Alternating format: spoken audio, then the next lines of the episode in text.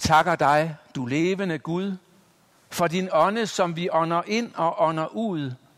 Din ånde, som holder os i live og holder os i ånde.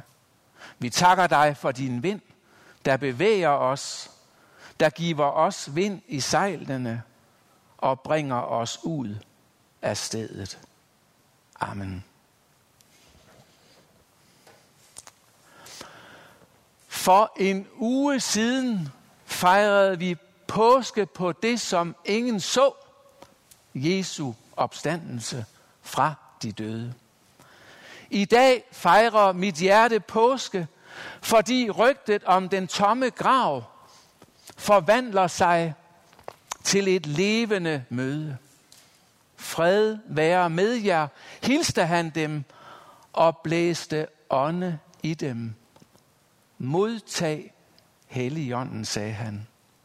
Og det opliver mig at blive talt til på den måde, som nogen havde givet mig kunstigt åndedræt, blæst, blæst livsånde ind i mine næsebor og reddet mig fra døden, ikke mindst den åndelige død. Det opliver mig at blive mindet om, at jeg er et levende væsen af sjæl, af læme og af ånd.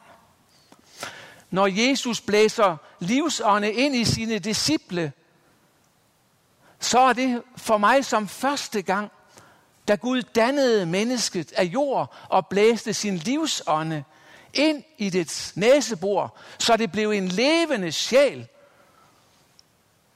som ikke kun ånder, men som er modtagelig for ånd.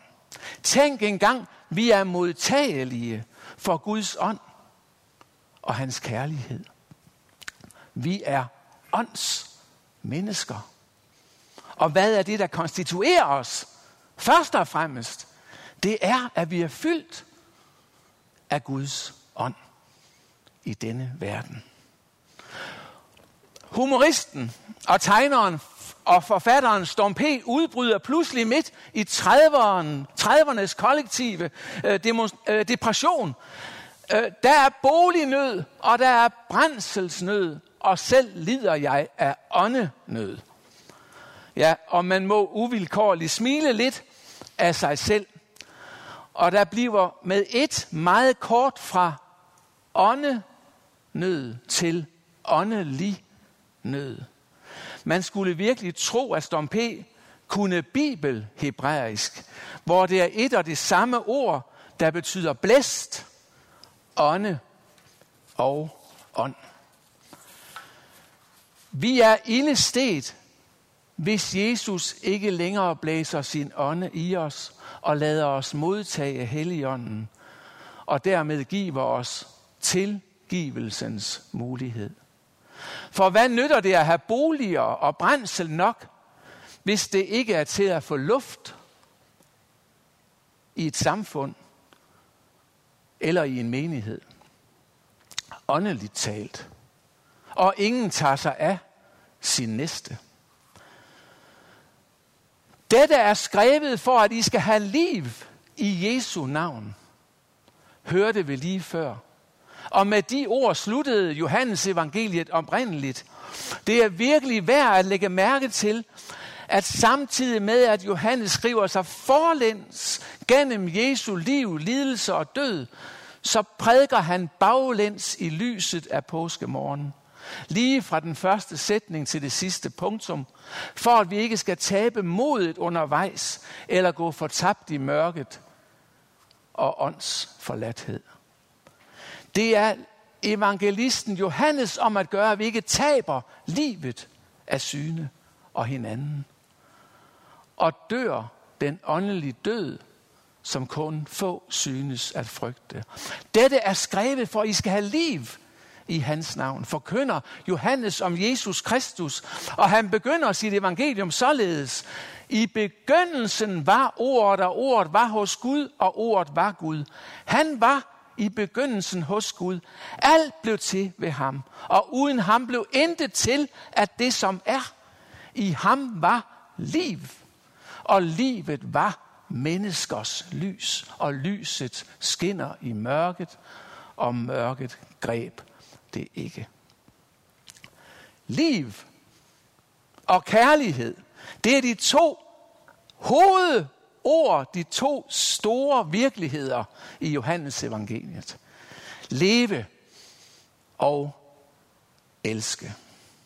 Den opstandende siger, jeg lever, og I skal leve. I dag fejrer mit hjerte påske, fordi rygtet om den tomme grav forvandler sig til et levende møde midt i kaos. Her sidder disciplene bag lukkede døre af frygt for de jødiske myndigheder. Hvem bliver den næste? Er der nogen, der har stukket os? Der er den her forfærdelige historie lige i øjeblikket fra Belarus med en pige på 13 år, en pige på 13 år, som bor alene med sin far, og hun skriver, hun maler en kritisk tegning i skolen om krigen i Ukraine, og hun beder Putin om at stoppe den her krig, og det, den her tegn blev offentliggjort. Og lige nu er faren blevet straffet og adskilt fra sin datter, og han er sendt i arbejdslejr. Dømt i to års arbejdslejr. Sådan nogen findes der også i Tyrkiet. Der er der også en diktator. Der er diktatorer hele vejen rundt i verden. Der er mange, der sidder inde af frygt for myndighederne. Og det russiske folk lider enormt, fordi at det er så intolerant og repressivt et system, som man tror, det er løgn, når man hører om det. Så frygteligt er det. Disciplene sidder bag låste døre. Men Thomas, han var der altså ikke den aften, da de andre gemte sig af frygt for repressalier. Godt nok er han blevet udpeget som den store tvivler, som næsten skal bære alverdens tvivl til alle tider. Også i prædiken efter prædiken. Thomas og så T med stort Thomas tvivler. Men nu spørger jeg så bare, er alle de andre så troende? På ingen måde. De blev jo også først rigtig glade, da Jesus viste dem hullerne i sine hænder og sin side, og at de så, at det var ham. Måske er det lige frem omvendt, så det er Thomas, der troede kvindernes vilde besked ved den tomme grav, og som nu er ude at lede efter Jesus sammen med kvinderne. Og derfor er han ikke sammen med de andre. Og derfor bliver han skuffet, da de andre fortæller, at de har set den opstandende, og han var der ikke. I dag fejrer mit hjerte påske. Fordi rygtet om den tomme grav forvandler sig til et levende møde mellem mennesker og Jesus Kristus. Og Guds ånd og ord åbner op ind til det lukkede rum, hvor fortællingen udspiller sig. Frygt ikke. Hilste englen de skrækslagende kvinder påske morgen.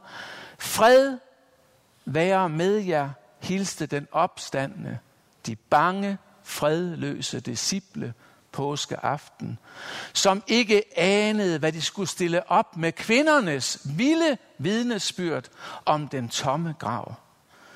Det var som om, at de bare fik tomheden og ligegyldigheden til at brede sig bag de lukkede døre, sammen med den diskussion, der nægter at dø, om Jesus overhovedet er blevet oprejst fra graven. Stod han op, som ordet går, må hans ord igen opstår.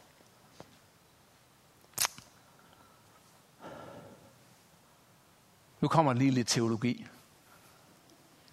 Et teolo- os præster og teologer, vi taler nogle gange om eskatologi. Det, det rimer på teologi. Det betyder eskatologi, det siger man, det er læren om de sidste ting. Egentlig skulle man hellere tale om de nyeste ting når man taler om, hvad der er hovedbudskabet i kristendommen. De nyeste ting er vi sammen om lige nu. Det budskab om Jesus Kristus, som forvandler mennesker, og som sender PR ind igennem menigheden her, før, at det hele, før vi går i gang med at holde gudstjeneste, om alt det, som den menighed, der bekender sig til den korsfæstede, men opstandende Herre Jesus Kristus, kan udvirke som dette at være en ny skabning i Kristus, med al den kreativitet, der følger med til at være menighed. Nu hørte jeg lige et nyt ord her igen i dag, Betel Festival. Fantastisk.